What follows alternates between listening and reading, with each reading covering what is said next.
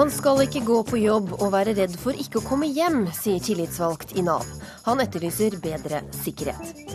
Hvis Høyre fjerner fedrekvoten, vil innvandrerpappaene droppe permisjon, mener Venstres Abid Raja. Han stigmatiserer innvandrerne, svarer Høyre. Jeg har eh, hjertet i halsen når jeg kjører, sier norsk lastebilsjåfør, som er skremt over utenlandske sjåførers kjøring i Norge. UUT useriøse utenlandske transportbedrifter. Dette er Ukeslutt med Linn Beate Gabrielsen, hvor vi også skal høre hvorfor Leo Ajkic skal stemme for aller første gang. Det har vært en eh, tøff uke for eh, alle Nav-ansatte etter at en kvinnelig saksbehandler på Nav Grorud ble knivdrept på jobb. De siste årene har antall voldelige angrep og trusler mot Nav-ansatte blitt tredoblet. Reporter Kari Li møtte en av dem som stadig utsettes for fare når han er på jobb for å hjelpe andre. Jeg snakka med en kollega i går, og hun hadde, da hadde foreldre spurt om kan du ikke finne deg noe annet å jobbe med. Pga. at dette er ikke trygt. Tore Saugerud er hovedtillitsvalgt og spesialkonsulent på Nav Bjerke. Etter drapet på en kollega vet han ikke om han orker å fortsette. Man skal ikke gå på jobben og være redd for ikke å komme hjem. En trekker kølapp, en annen slipper fram til skranken. Brukerne sitter spredt i det store hvitmalte venterommet hos Nav Bjerke i Oslo. Vi har en pult, så har vi en klaff som vi kan lukke igjen. Eh, han er ikke så veldig sikker, men han Tore Saugerud viser et av Nav Bjerkes sikrede samtalekontor. Ja, Det er en halvmeter mellom oss og bruker.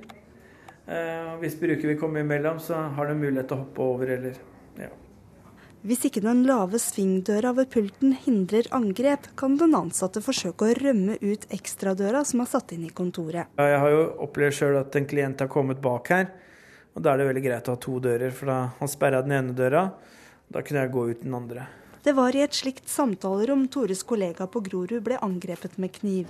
Det vi vet så langt, er at da vedkommende som nå er sikta for drapsforsøk, han møtte på Nav-kontoret og ba om å snakke med sin saksbehandler. Politioverbetjent Egil Kulseth orienterer om det som mandag formiddag ble regna som et drapsforsøk. Um, og Det som skjedde videre da inne på hennes kontor, var at uh, hun ble knivstukket. Jeg vil jo uh, tro at hun ikke var veldig bekymra siden hun tok den inn på en, eh, et samtalerom aleine. Hvis man ikke er bekymra i det hele tatt, så, så, gjør man jo det. Og det gjør jo vi her daglig. Det hun gjorde, gjør jo vi her hele tida. Da tenker du det, det kunne ha skjedd deg? Kunne ha skjedd meg. Kunne ha skjedd mange. Som spesialkonsulent jobber Tore med de som er psykisk syke, de som utagerer og de som trakasserer kvinnelige Nav-ansatte. Ja, verstinger og verstinger, ja. De har en, de har en kan kalle det en utfordrende atferd, en del av dem. Men mange av dem er jo Når du kommer litt under huden på dem, så er de jo kjempeålreit. Eh, en del av dem har store problemer med å klare å forholde seg i dagliglivet. Og det gir seg utslag i Altså Når du har psykose og du tror at det er andre ting som skjer i rommet enn det som virkelig skjer, så er det klart at da kan det skje ting. Tore drapstrues jevnlig. Han må av og til ha vakt hjemme og ta taxi til jobb. Der savner han sikringstiltakene han hadde da han jobba på sosialkontor. Tidligere så hadde vi rømningsveier fra kontorene til nabokontoret. Det har vi ikke nå. Nå har vi bare ut en gang. Eh, på gamle så hadde vi skuddsikkert glass, hvor vi kunne ha klienten på den ene sida, vi, vi på, på den andre. Mens her er det sagt at det skal være åpent. Så det betyr at det er ingen stengsler noe sted for oss å kunne gjemme oss bak eller være bak hvis vi skal, må prate med folk som er utagerende. De står rett foran deg. Hvordan ser du på det? Altså, du hadde, før så hadde du skuddsikkert glass og rømningsvei, nå har du ikke? Det som kunne vært greit, å ha hatt et ekstra kontor som var staffa opp til å være enda mer sikkert enn alle andre. Eh, det skulle jeg ønske vi hadde, men det har vi ikke, for det er ikke plass til det her. Vi trenger alle kontorene våre til de ansatte. Eh, for det hadde vært greit å ha et kontor hvor vi hadde større sikkerhet enn det vi har i dag, når vi må prate med folk som har hatt en utagering, voldshistorie tidligere. Torsdag kveld døde kvinnen av stikkskadene, og klienten, en kjenning av politiet, ble drapssiktet. Han erkjenner ikke noe straffskyld. 26-åringens forsvarer Ola Lunde forklarer at hans klient er syk. Paranoid eh, schizofren. Og det vil nok ta noe tid før man får en uh, forklaring fra han, vil jeg tro. Jeg ble helt tom. Jeg fikk vondt i magen, uvel. Jeg syntes det var helt forferdelig. Tore Saugerud har siden tirsdag trådt til for å hjelpe kollegene på Grorud. I går, etter at de ansatte fikk dødsbudskapet, måtte Nav Bjerke overta alle brukerne. Uh, mange er prega av det. De, de syns det er helt forferdelig, helt uforstående at det er noe sånt som kan skje på et Nav-kontor. Hva med deg selv? Får du lyst til å slutte når det er sånn? Ja, jeg tenker jo på det. det akkurat i dag så er det jo en Ja. Det er vanskelig å tenke seg en framtid, men jeg regner med at jeg blir her. Vi, vi snakka jo en del om sikkerheten. Ja, nå har jeg hørt at uh, hele ledelsen i Nav har vært ute, ledelsen i Oslo kommune har vært ute. Statsråder, politikere, uansett hvilken regjering vi får til høsten, har jo sagt at uh, dette skal være et fokus. Så uh, nå håper jeg de husker det når de skal lage ut budsjetter til høsten også, at det blir satt av penger til å kunne jobbe med sikkerheten på de ulike Nav-kontorene. Nav-direktør Joakim eh, Lystad, man skal ikke gå på jobb og være redd for ikke å komme hjem, hørte vi en av dine ansatte si her. Hva, hva tenker du når du hører det? Først vil jeg si at uh, dødsfall er det verste som kan skje på en uh, arbeidsplass. Uh, og det blir jo særlig paradoksalt for oss som jobber med å prøve å hjelpe de brukerne vi har. Ehm, vi må være trygge for å kunne gjøre en god jobb. For å kunne hjelpe brukerne våre, så må vi ha en trygg eh, arbeidsplass. Nå har du mange urolige, urolige ansatte. Hva tenker du om det? Ja, Det gjør inntrykk. Det gjør inntrykk å høre slike beskrivelser som vi hører her. Det gjør inntrykk å, å lese beskrivelsen fra fire, fire Oslo-kontor som har skrevet brev til kommunen og, og til den statlige fylkesledelsen i Oslo. Ja, Det ble sendt allerede 17.6. Eh, hva, hva, hva skal dere gjøre for å, å, trygge dem som har de farligste brukerne? Ja, Jeg er informert om at uh, Oslo kommune og den statlige fylkesledelsen i Oslo uh, allerede vil bruke det brevet som i den risikogjennomgangen som, som de skal ha. Uh, jeg selv har tatt initiativ på nasjonalt nivå til møte mellom Kommunenes Sentralforbund Eh, Oslo kommune, Arbeidsmiljøutvalget, medbestemmelsesapparatet, de kommunalt ansattes organisasjon. Men her etterløser de konkrete, tryggere, tryggere kontorer f.eks. For, eksempel, for de vanskeligste tilfellene. Kan de få det? Ja, det er noe av det vi vil vurdere. Jeg tror ikke vi verken skal utelukke noe nå eller beslutte noe akkurat nå. Eh, men de innspillene som er kommet, som både det refereres til her, som er beskrevet i brevet, og det som vil komme gjennom en prosess med våre ansattes organisasjoner, vil vi selvfølgelig bruke for å prøve å skape enda tryggere arbeidsplasser. Prøve? Ja, vi må prøve det. Eh, og vi trenger det sammen med våre ansatte for å få det til. Vi er jo i et dilemma ved at noe av de problemstillingene som ble tatt opp her ved at da Nav ble etablert, og vi, vi eh, lagde 456 kontorer rundt omkring i hele landet, så ble det bevisst valgt at vi skulle ha åpne, lyse, vennlige, romslige lokaler. For vi vet erfaringsmessig at det reduserer sannsynligheten for aggresjon, vold og trusler. Det store dilemmaet som vi lever med, og som også blir påpekt i denne reportasjen, er jo at når det da først skjer noe, så er konsekvensen mye større. Så vi må se nå hvordan kan vi klare å kombinere at vi skal ta imot brukerne våre, så de føler seg at de er velkomne, imøtekommende, samtidig som vi eh, skaper enda mer trygghet for våre ansatte. Men du sier prøve, dere kan ikke love? Nei, jeg tror ikke jeg skal sitte og love det nå hvilke tiltak vi skal gjøre. Det blir helt feil. Det er de ansatte selv som vet hvor skoen trykker, som vet eventuelt hvordan vi kan klare å få til bedre løsninger. Mm. Vi hørte i saken at ansatte vurderer å, å slutte i jobben eh, etter det her. Kan Nav-ansatte som skal på jobb på mandag føle seg trygge? Dette er jo variasjon mellom de ulike kontorene også. Eh, det er forskjellige situasjoner, det er forskjellige brukergrupper, det er forskjellige risikosituasjoner i de ulike kontorene. Så jeg tror det er vanskelig å svare samlet for alle landets 456 Nav-kontor. Men det er helt opplagt at eh, Nav-ansatte eh, det har gått sterkt inn på Nav-ansatte, dette, og de føler en større utrygghet enn hva de gjorde før denne hendelsen. Og vi fra ledelsens side må sammen med de ansatte gjøre det vi kan for å øke tryggheten. Takk for at du kom til Ukeslutt, Nav-direktør Joakim Lystad. Candy med Robbie Williams og drops og karameller, det er eh, politikerne ekstra ivrige på å dele ut nå om dagen, i håp om at eh, du og jeg skal huske på nettopp dem når vi skal putte stemmeseddelen vår i valgurna 9.9. Og i Fredrikstad, der er eh, du statsminister Jens Stoltenberg under åpninga av valgkampen der. Er det noen som vil ha rosene deres i år? Det er veldig mange som vil ha rosene våre i år. og det er Eh, selvfølgelig eh, eh, slik at det er politikk og alvorlige saker som er det viktigste i valgkamp. Men det er jo hyggelig at man også kan dele ut roser. Det er en måte å si hei på, og så kanskje prate om en stor eller liten viktig sak her i Fredrikstad eller et annet sted i landet. Tidligere Ap-leder Torbjørn Jagland mener slaget er tapt på forhånd, skriver Dagens Næringsliv i dag. Hva tenker du om det? Altså Først så kan ikke jeg si at det er de ordene som Torbjørn Jagland bruker i det intervjuet. Men det andre er at uansett så er det velgerne som avgjør på valgdagen. Og vi vet at det er hundretusener av velgere som bruker nettopp valgkampen dagene og ukene før et valg til å bestemme seg, og flere nå enn før. Og Her i Østfold har jeg i dag truffet mennesker som er veldig opptatt av at vi fortsetter å styrke fellesskolen, ikke privatisere skolen.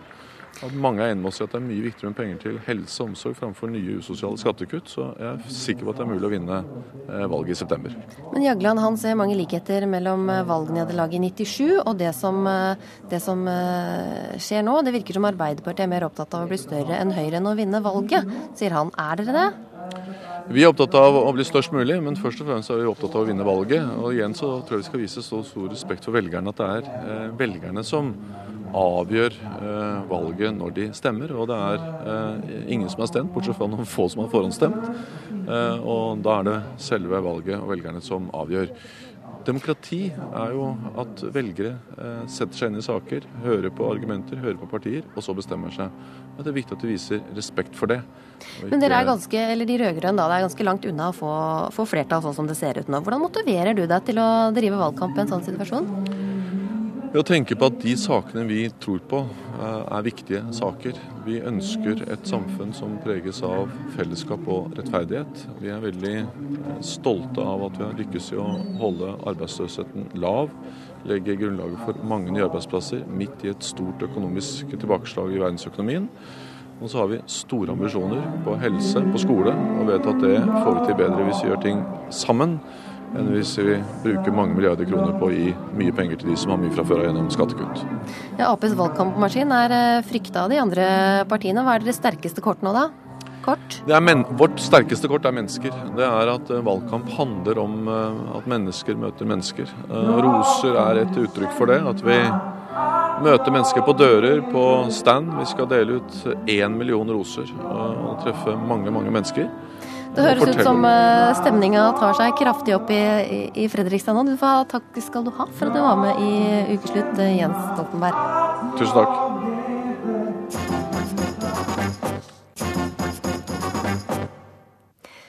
Venstrepolitiker Abid Raja opplevde å bli uglesett av innvandrere da han skiftet bleier på barna sine.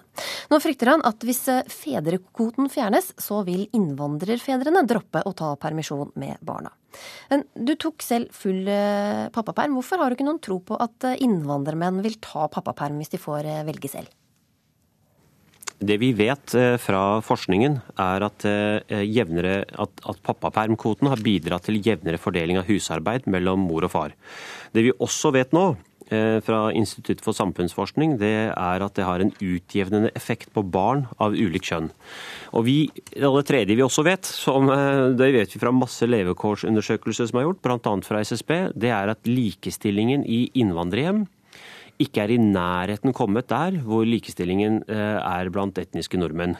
Og eh, Hvis vi da fjerner den fedrekvoten, som vi vet beviselig har hatt eh, effekt på fordeling av husarbeid mellom mor og far, og har hatt en utjevnende effekt på kjønn på barn, så, og vi samtidig vet at innvandrere ikke er likestilte, så er jeg redd for at enda færre fedre med innvandrerbakgrunn vil ta fedrekvoten, og enda færre vil bli kjent med sine barn, og ikke minst vil det ikke ha den samme effekten på likestillingen som vi har sett har uh, hatt hos etniske nordmenn.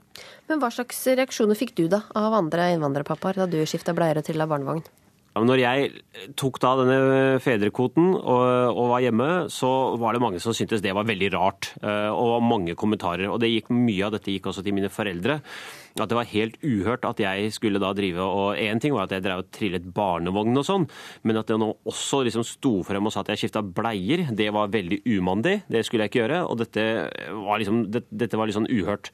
Men så har det jo gått noen år etter det, og jeg har notert meg at det er veldig mange innvandrermenn etter hvert som tar del i den type aktivitet hjemme. Eh, jeg er ikke oppdratt til å gjøre husarbeid hjemme. Jeg kan bare si så ærlig at jeg ble sydd store puter under armene på. Det lå liksom ikke i min rolle som mann og gutt at jeg skulle gjøre husarbeid. Men jeg har jo gått de lange skrittene, dels selv, dels fordi at kona mi er veldig sterk, og dels fordi at man blir veldig liberal av å være i Venstre. Men det er ikke alle som blir utsatt for alle de faktorene på en gang. Og vi vet dessverre at likestillingen er verst for innvandrerkvinner. Jeg er redd for at hvis vi fjerner fedrekvoten, så vil, så vil Høyre nullstille de trendene trendene som er på gang i innvandrermiljøet. Linda Helleland, du er familiepolitisk talsperson i, i, Høyre. Og dere ønsker at familiene selv skal velge hvem som skal ha permisjon, også i de 14 ukene som nå er forbeholdt uh, fedrene. Hva mener du om Rajas utspill her? Jeg syns at det er veldig bra eh, det Abid har gjort, gjort, i forhold til det å gå foran eh, og være en moderne pappa. Eh, det å være en god rollemodell. For det er nettopp det han er på dette feltet, og det er det vi trenger mer av.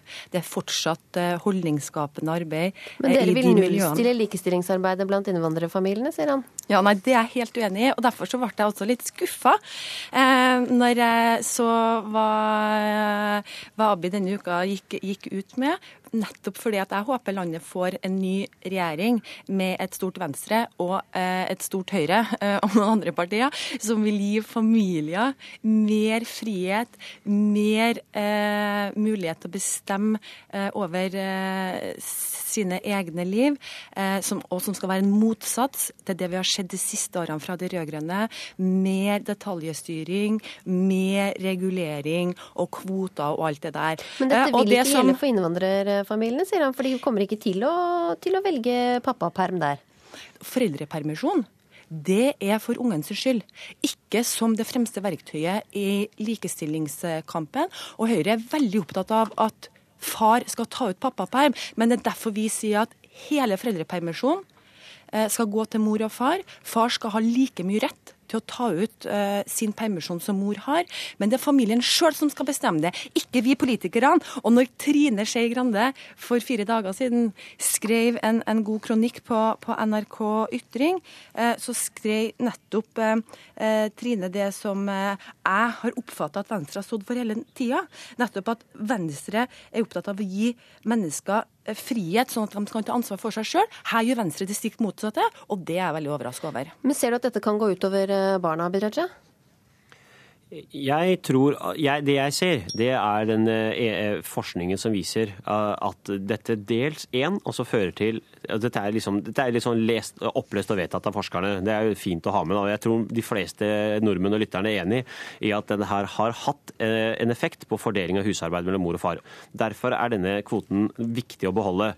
Og Jeg har lyst til å bringe inn én ting i denne debatten til, og det er det kanskje Høyre ikke har tatt inn over seg. det er at Eh, Erna Solberg sa noe veldig viktig i den debatten i duellen mot Jens. Det var at ja, dette har hatt en betydning. Eh, men at hun mente at nå var tiden over for å legge den kvotesystemet fra seg. At det hadde hatt betydning for likestillingen. Men vi, Norge har gått mye lenger frem siden som midten av 70-tallet. Mye som har skjedd siden vi innførte dette på 80-tallet. Og det er at nå kommer det massevis av arbeidsgivere til Norge, altså fra eh, andre land, som blir mellomledere, ledere i norske bedrifter, og får ansvar for eh, Eh, for, for norske arbeidstakere. Nordmenn og ikke-nordmenn. Eh, og de har ikke denne greia inn under huden. Så jeg husker når jeg tok fedrekvoten fullt ut og gikk til advokatfirmaet mitt eh, og sa jeg skal ta ut fedrekvoten her, og det var sånn «Mm, skal du ta ut hele fedrekvoten? Så selv her i Norge så er det ikke sånn at alle arbeidsgivere jubler i taket når pappa blir borte en, på en arbeidsplass hvor, hvor, man er litt avhengig av denne mannen, og ikke mm. minst man må produsere mye penger. Men ja, desto, vanskeligere, desto vanskeligere vil det bli overfor utenlandske arbeidsgivere, fordi at de vil ikke helt skjønne dette norske konseptet at far skal være hjemme og passe barn. Derfor er det også viktig å beholde denne fedrekvoten, for det er mye, mye lettere å argumentere overfor arbeidsgiver. Men vi måtte jo selvfølgelig lodde stemninga da, for eh, pappaperm og bleieskift blant eh, innvandrermenn, så vi har sendt ut eh, reporter Kristine Amdam. Hva, hva syns du om eh, pappaperm? Pappaperm? Pappapermisjon? Ja. ja det, jeg, jeg synes det er veldig bra. Den som uh, Høyre vil slutte med den, det er ikke riktig. Fordi barna må pappa også bli sammen med. Hva synes du om pappaperm? Det er dårlig. Hvorfor det? Jeg håper at det skal slutte med den der. Man må jobbe. Alle må jobbe. Um, så hvis du selv skal få barn en gang, så har du ikke lyst til å ha pappaperm? Nei, aldri. Man må jobbe. Hva syns du om uh, menn som skifter bleier? Uh, nei. Ikke greit? Nei. Ja, jeg tror det. Du syns det er bra? Jeg syns det er veldig bra, ja. Mm. Hvorfor det? Grunnen av uh, det Ja, barn trenger litt tid til å Så kan Hvis det er mamma på ni måneder permisjon, ikke sant. Pappa også trenger i hvert fall minimum 60 dager, to måneder. Han kan også slappe litt. Og barnet gråter hele natta, så pappa kan ikke jobbe, vet du.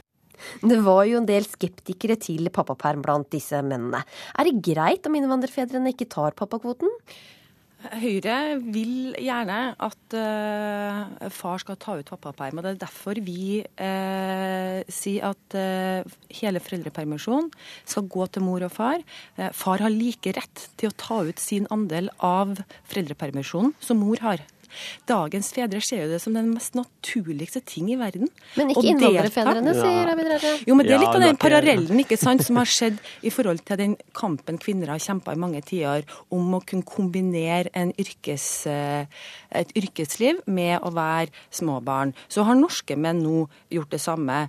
Eh, og så eh, ser jeg også at det her er en utfordring i enkelte av disse miljøene. Men jeg er veldig bekymra over at ehm, Venstre eh, er med på å stigmatisere alle innvandrere i en, sånn, i en gruppe og si at det her er ikke bra for innvandrere. Jeg kjenner veldig mange med innvandrerbakgrunn som, eh, som er eh, veldig deltakende foreldre. Altså alle de jentene nå som gjør det utrolig bra på de mest prestisjefylte studiene i Norge. Jeg tror aldri de kommer til å finne seg i at mannen deres ikke skal ta del i husarbeidet og være hjemme sammen med barnet sitt. Abid Raja, du stigmatiserer innvandrerne, sier Helleland. Hva sier du til det? Nei, det, det, jeg klarer ikke å ta det. Det tar jeg ikke seriøst, Linda. Dette er en veldig god sak som viser forskjellen nettopp mellom Høyre og, og Venstre, selv om vi begge skal i regjering sammen, forhåpentligvis. Og, og da må vi nesten nødt til å sette strek der. En setning, det er mange, mange innvandrermenn som i reportasjen her sier at det er bra at man gjør det, men det er noen som sier at vi ikke skal ta bleier, og så er det noen som skal ta pappaperm for å slappe av. Pappapermen er jo ikke ment for at mannen skal sitte hjemme og kose seg, og skal kona gjøre husarbeid allikevel. Det er betydelig holdningsarbeid som er igjen. Derfor vi beholde fedrekvoten. Ukeslutt er programmet du hører på akkurat nå, og videre skal det handle om dette. Anoreksi blant gutter er fortsatt tabu. Jeg ble kalt like, forteller Kenneth, som gikk fra 156 til 46 kilo. Norske lastebilsjåfører mener de utenlandske sjåførene er en fare på veien. Det er ikke sant, svarer belgisk sjåfør. Og alt er politikk, selv hva du får se på TV, sier Leo Ajkic, som skal stemme for første gang i år. I dag åpner Special Olympics på Bislett stadion i Oslo. Der skal 112 utøvere med utviklingshemming konkurrere i lengde, kast med ball, 60 meter og flere andre øvelser. Og på Bislett så har vi med oss eh, to reportere fra MPO TV, Mats Sollid og Erling Due Bergseth. Hva er Special Olympics? Jo, Special Olympics det er et av Norges største idrettsarrangement for eh, utviklingshemmede. Hvordan er stemninga der, da? Stemninga er helt på topp. Vi har nettopp snakket med Erna Solberg, og hun var glise som bare det. og Solen titter mars, det er nesten skyfri himmel, så her er stemningen på topp. Og de setter i gang med de noen av aktivitetene nå. Men hva har Special Olympics da, som ikke andre idrettsarrangement har? Jo, Special Olympics har, eh, har f.eks. Det som er litt annerledes med Special Olympics, er at eh, at dette er også et stort idrettsarrangement som alle andre, men her viser idrettsutøverne mer, mer tegn til at de syns det er eh, lek og moro, enn at de tenker på å vinne en konkurranse. Så, de, så, de, eh, så du kan si at her tenker man ikke så mye på at man skal vinne, men, eh, men det er jo klart, det er jo mange som har lyst til å vinne også. Men de fleste tenker på dette mest som bare moro og lek og sånn. Ja, hva gleder dere dere mest til, da? Vi håper jo kanskje på å se noen bra løpere og se om de skikkelig er trent, eller om det er bare bullshit alt sammen. og, og, og, jeg jo, og, jeg kan jo, si at jeg skal delta her selv i dag, så jeg gleder meg veldig til de øvelsene jeg skal være med på. Og ja, Hvilke er det, da? Ja, det er eh, 60 meter og 100 meter løping. Og så er det kulestøt og Bislett-løpet som går ut. Og, der, og, der går, og, der, går, det ut på å løpe så mange ganger du orker rundt stadion. Da. Så får du poeng for hvor mange runder du klarer. Ja, Hva er du best i? Vel, nå har jeg bare deltatt på Special Olympics på Bislett en gang før, og det var i fjor. Og da klarte jeg å få sølvmedalje på 100 meter. Så jeg håper jo på at jeg kan slå den rekorden, sånn at jeg kanskje får eh, gull på 100 meter i år, da. Da skal vi høre litt fra da dere snakka med leder av Høyre, Erna Solberg, eh, tidligere i dag. Okay. Hva betyr dette arrangementet for deg? Jeg må si det er veldig gøy å være her. Og så ser jeg en idrettsglede som er helt enorm. Uh, uansett om uh, hvor god man er eller hvilke resultater man får, så har man forferdelig gøy av å være i aktivitet. Løpe, hoppe, kaste kule.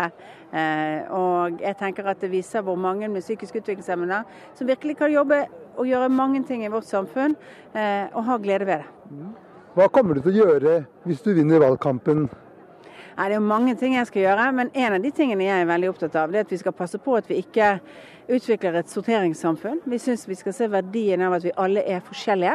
Eh, og så skal vi sørge for at alle mennesker kan bruke talentet sitt. Og da er det som sagt mange av de som i dag eh, er psykisk utviklingshemmede, som både kan ha rikt liv, høy aktivitet, og til og med mange deltar i arbeidslivet.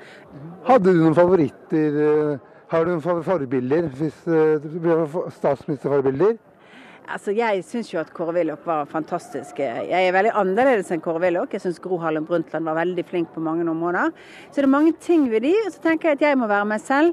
Hvis eh, vi vinner valget, så må jeg sørge for å finne min måte å være på. Eh, vi er jo ikke like noen mennesker, vi er forskjellige.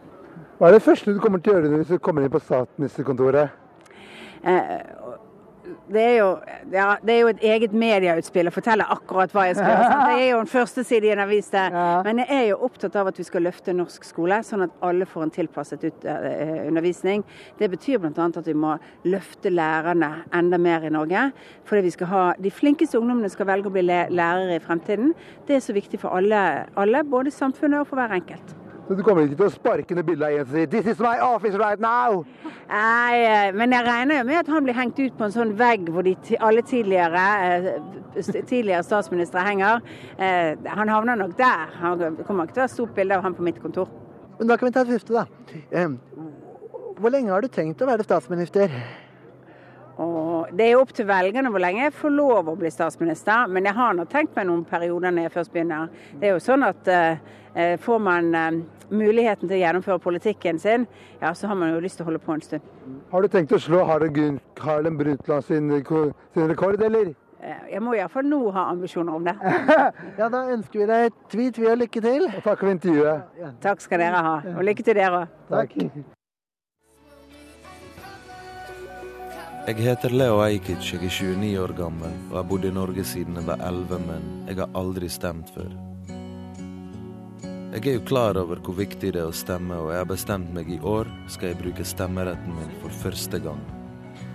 Leo Ajkic, reporter i NRK og med i NRKs valgkampdekning med programmet Leo tar eh, valget. Fordi du har aldri stemt før, men skal nå gjennom eh, åtte episoder finne ut hvilket parti som eh, passer best for deg.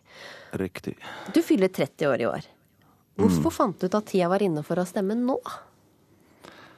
Altså, jeg føler jo meg litt mer voksen nå, selvfølgelig, liksom. Men det er jo tredje gangen jeg har hatt mulighet til å stemme nå. Nei, det er vel fjerde gangen jeg har uh, rett til å stemme. Og mm. første tre gangene jeg var ikke vært involvert noe. Jeg har ikke visst noe om norsk politikk.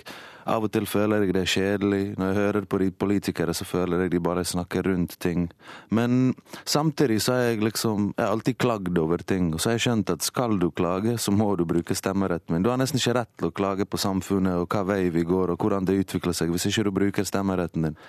Hva er det du har mest å klage på da, syns du? Nei, det er jo mye. Det er mye. Det er mange steder vi kan begynne. Vårt forhold til Europa. Kanskje romfolket er veldig hett eh, emne akkurat nå i gatene i Norge. Altså. Jeg ser at folk flest har en mening om det. Men hva har du, hva har du gjort i disse programmene da, for å, for å finne ut av politikken? Altså, jeg har lagd syv, eh, åtte episoder, men jeg har kun lagd syv av de nå, da. Og da går jeg inn enkeltsaker, og så går jeg inn på hvilket eh, parti har beste løsningen ut ifra mitt ståsted. da. Så la oss si en episode handler om uh, toll og vår forhold til Europa og mat. og Da fokuserer vi på ostetollen. og Da går jeg og besøker bonden som lager ost, butikken som selger osten, kanskje noen businessfolk som skal gjøre noen avtaler med utlandet. Og så til slutt må jeg ta et valg. Men uh, før jeg tar valget, så har to ungdomspolitikere en slags battle der de prøver å bevise meg. 30 sekunder hver og komme med de beste argumentene hvorfor deres løsning er bedre, f.eks. Så jeg tar sak for sak, men i siste episode så må jeg velge et parti. Men ostetoll, er det noe du har interessert deg for før? Selvfølgelig er jeg interessert i ost, og da blir jo ostetoll noe jeg er interessert i. Og det er egentlig sånn, I denne serien så prøver jeg å få folk til å forstå at alt rundt oss er politikk. Utdanning, utdanningen din er politikk. Idrett eh, kan være politikk. Hva vi får lov til å se på TV politikk. Når, når butikkene stenger, hvor du har lov å kjøpe alkohol. All, altså alt rundt oss er politikk. Uansett om du tror du ikke er politisk engasjert, så er du like mye med. Det angår jeg like mye som alle andre. Mhm. Men du, er det mange, mange av dine venner som, som stemmer? Egentlig ikke, helt ærlig. Jeg, vil si at av min gjeng, mine venner, kanskje mindre enn 50 stemmer, selv om de er på min alder. Tror du du klarer å overbevise noen av de om at de må, de må bruke stemmeretten? Ja, jeg håper det, altså. Jeg håper alle bruker stemmeretten sin. Du kan jo ja, altså som sagt, du kan ikke stemme feil. Du kan stemme litt dårlig, og kanskje de du stemmer på, ikke har lovet det du har stemt, men det går ikke an å stemme feil, liksom. Det, det er bedre å stemme. Det, det, som er feil, er å ikke stemme, vil jeg si. Mm. Mm. Har du noen uh, hjertesak så langt? Nei, det er mange, altså. Det er mange. Først måtte jeg tenke ut ifra meg sjøl. Hvem er jeg? Jeg er en ung businessmann. Jeg har mitt, e min egen uh, forretning, eller hva det heter, bedrift. Men uh, da burde jo kanskje det viktigste for meg være skatt. Mindre skatt. Men det er jo ikke det. Jeg har jo en mor, jeg har en uh, jeg har besteforeldre, jeg har venner, og da, da, ser jeg på litt andre ting enn bare meg sjøl. Kanskje utlendinger. Jeg har vært utlending en dag. Jeg bryr meg om hvordan utlendinger blir tatt imot. sant? Mm, integrering, det er viktig for meg.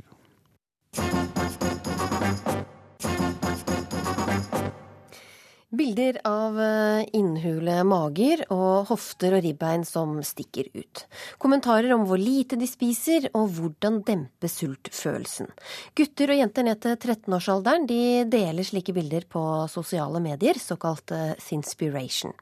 En rekke eksperter nrk.no har eh, snakket med, frykter dette fører til at flere får spiseforstyrrelser. Benedikte Teksnes, du jobber for eh, ROS, rådgivning om eh, spiseforstyrrelser, og du har selv hatt spiseforstyrrelser. Hvordan tror dere dette påvirker eh, negativt? Jeg tror det påvirker i stor grad. Nå hadde jeg det for noen år siden. Da var det ikke så utbredt med sosiale medier. Men i etterkant så har jeg jobbet som lærer og ser at det er påvirkning fra alle kanter. Og det er et enormt press det at du skal være sosialt på hele tiden, det legger et press på deg, og det er et fokus på å bli likt og bli sett og bli hørt. Og ungdommer er ofte i en periode i livet hvor det er vanskelig å finne seg selv. finne seg man ser at kroppen er i endring. Um, og det presset da, det kan føre til at man uh, får et litt vanskelig bilde på kropp og på mat. Hvordan ser du at, uh, at elevene er opptatt av det her? Ting man kan se det på, er at de endrer spisemønster, begynner å spise annet. Eksempelvis er jo at begynner å spise bare lettprodukter, begynner å spise bare det man kan kalle sunn mat. da. Eh, eller at de eh, gradvis trapper ned på matinntaket, slutter å spise matpakke etc. Hvordan, hvordan bruker de sosiale medier mm, til det her? Det er veldig fokus på at man eh, både gjennom Instagram og Snapchat og Facebook skal bli likt. At folk skal se bildene da. Eh, og det uttrykket 'sexy' det syns jeg egentlig går igjen. Det er et fokus på å se sexy ut både for jenter og for gutter hele tiden. Men vi hører ofte at snakk, altså, om jenter da, når det er snakk om uh, spiseforstyrrelser. Men dette er også en sykdom som, som, som rammer gutter. Mm. I stor grad. Det, jeg tror det er veldig mange mørketall der. Det er, uh, spiseforstyrrelser er uh, psykiske problemer, vansker. og jeg tror det er ekstra vanskelig for gutter, for man skal på en måte ikke ha, psykiske problemer. Eh, så det blir eh, på en måte en dobbel skam. Både det at du har eh, vansker med din egen syke og det psykologiske, pluss at du da sliter med et vanskelig bilde på deg selv, på kroppen din, og får, kan utvikle et problematisk forhold til mat. Kenneth eh, Reitan, du er 20 eh, år, og du er ikke redd for å si at du har eh, slitt med anoreksi. Hvordan var det det begynte for deg? Um, det begynte med det at uh, for ca. seks år siden så var jeg veldig, veldig overvektig. Uh, vekta mi var på 158 kilo på det høyeste. Og da gikk jeg første året restaurant- og matfag. Og så Det begynte egentlig med det, da, at vi skulle til Syden for første gang med familien min. Og eh, da tenkte jeg for meg sjøl det, at jeg ville ikke ligge på stranda og se ut som en hvalross. Så jeg begynte å eh, trene, og jeg gikk grassat fort ned i vekt. Jeg gikk ned nesten 80 kilo på eh, litt over åtte måneder. Og eh, når jeg da begynte å komme på normalvekt, så klarte ikke jeg å eh, stoppe. Jeg klarte ikke å se at meg sjøl har blitt tynn. Så jeg bare fortsatte og jeg fortsatte, og jeg følte ikke jeg ble tynnere. Hvor tynn var du på det verste, da? Jeg var 46 kilo. Hvordan var det å gå på, på vekta da? Det var jo det, da, at vekta visste jo én ting. Men bildet i speilet visste en helt annen ting. Så det med å gå på vekta var egentlig ikke noe problem for meg. For at uh, hver morgen når jeg stidde på senga, så var det første jeg gjorde å gå på vekta for å sjekke at jeg har gått opp i vekt. Og har jeg da gått opp to gram, så gikk jeg på do, og jeg kasta opp til jeg fikk ble kvitt de to gramma. Hvordan påvirket eh, dette livet ditt da, og forholdet til venner? Jeg var veldig, veldig mye for meg sjøl. Det var jeg. Eh, jeg stengte meg inn for absolutt alle. Og det var jo av at jeg kunne jo ikke ut og feste, for da måtte jeg jo drikke alkohol. Da måtte jeg jo drikke øl, som da var mye kalorier, mye, kalorier, mye fett i og sånne ting. Og så kunne jeg ikke ut og spise. Jeg kunne ikke gå på kaffebar, for jeg torde ikke å spise ingenting. Så jeg ble veldig mye stengt inn, og det eneste egentlig jeg gjorde om dagene, det var det å sitte på rommet mitt, og så trente jeg. Det er fortsatt uh, tabu for gutter å ha anoreksi. Vi hører i hvert fall veldig lite om, uh, om, om gutter. Hva tenker du om det? Um, som sagt, altså, guttene skal jo være sterke i sinn.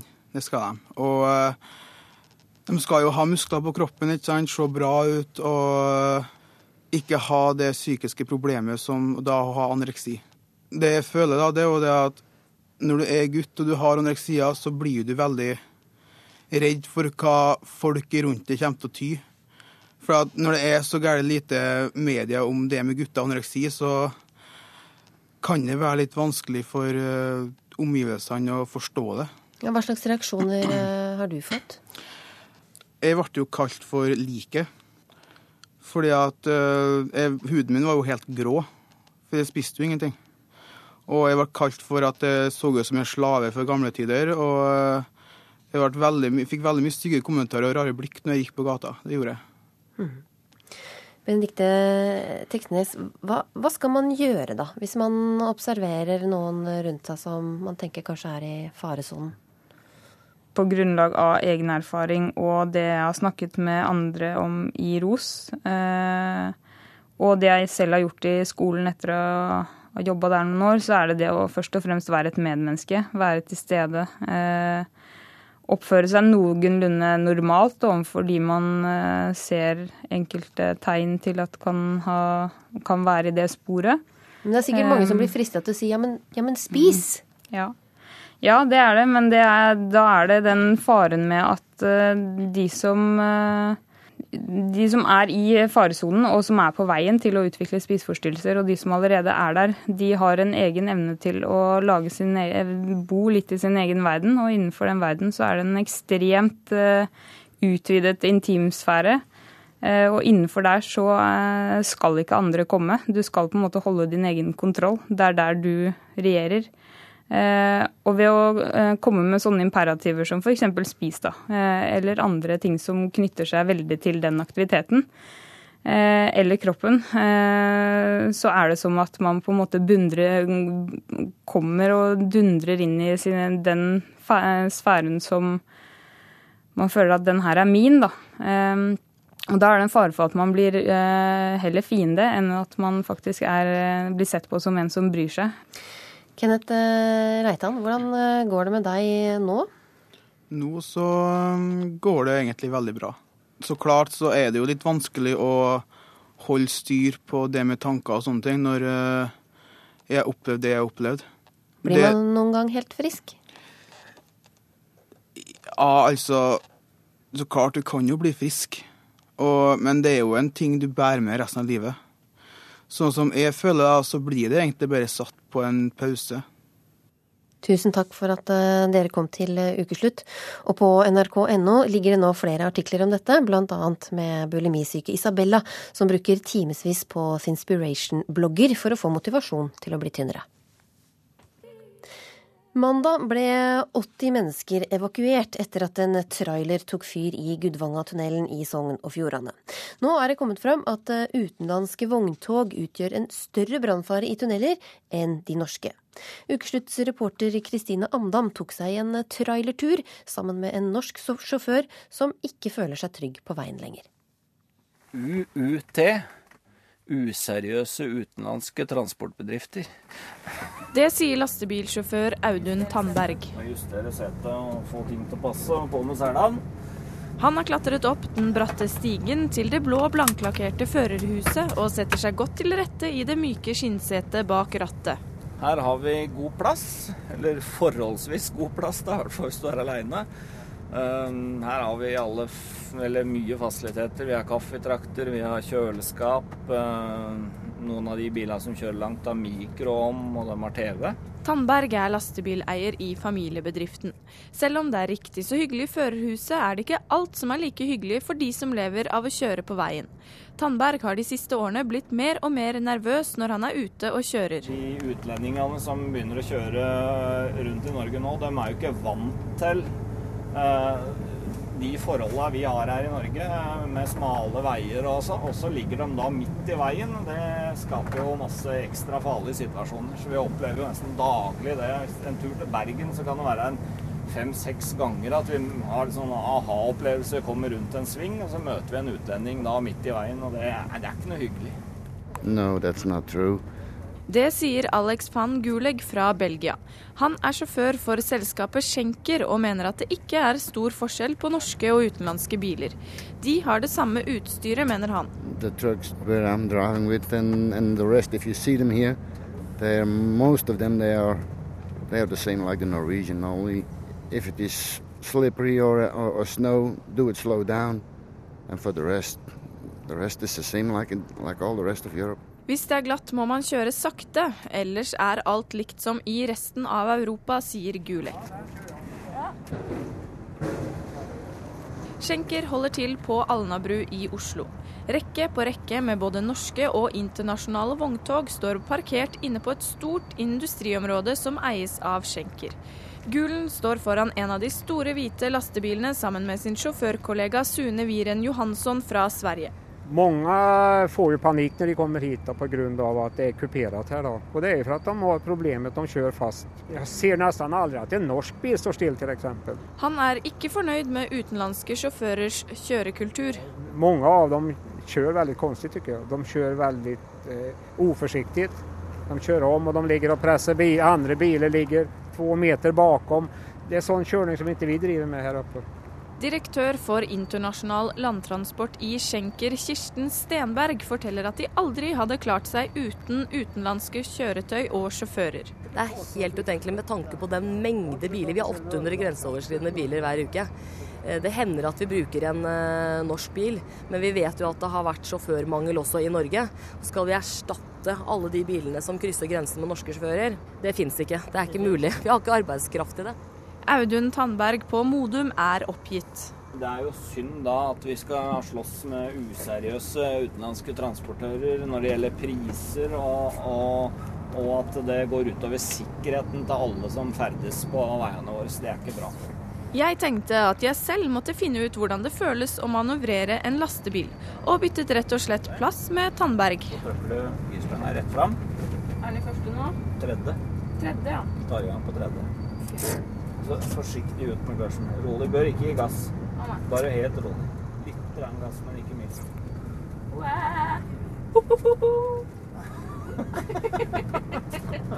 Nå er det konge på veien, vet du. Og nå må jeg gire sånn. Ja, inn med kløsjen.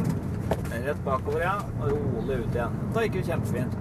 Nå tør ikke jeg å kjøre ut på hovedveien helt ennå, så Tandberg tok oss trygt tilbake til parkeringsplassen. Jeg er jo født og oppvokst, og det er jo på en måte en litt sånn livsstil, og du trives med det du gjør. Og det er jo egentlig en hyggelig jobb, og det er en fri jobb og en frihetsfølelse, og du er ute, og det er aldri en dag som er lik. Han frykter for fremtiden til yrket sitt. Men når du da skal på en måte slite med å slåss med utlendinger, og vi har ikke like vilkår, og de eh, jukser, og sikkerheten på veien er utrygg osv. Og, så og det blir jo òg mer kriminalitet ute langs veiene våre, som òg ikke er hyggelig å oppleve når du ligger i bilen om natta. Det var ukeslutt. Ansvarlig for eh, sendinga Aksel Wilhelm Due. Teknisk ansvarlig Finn Lie, og i studio Linn Beate Gabrielsen.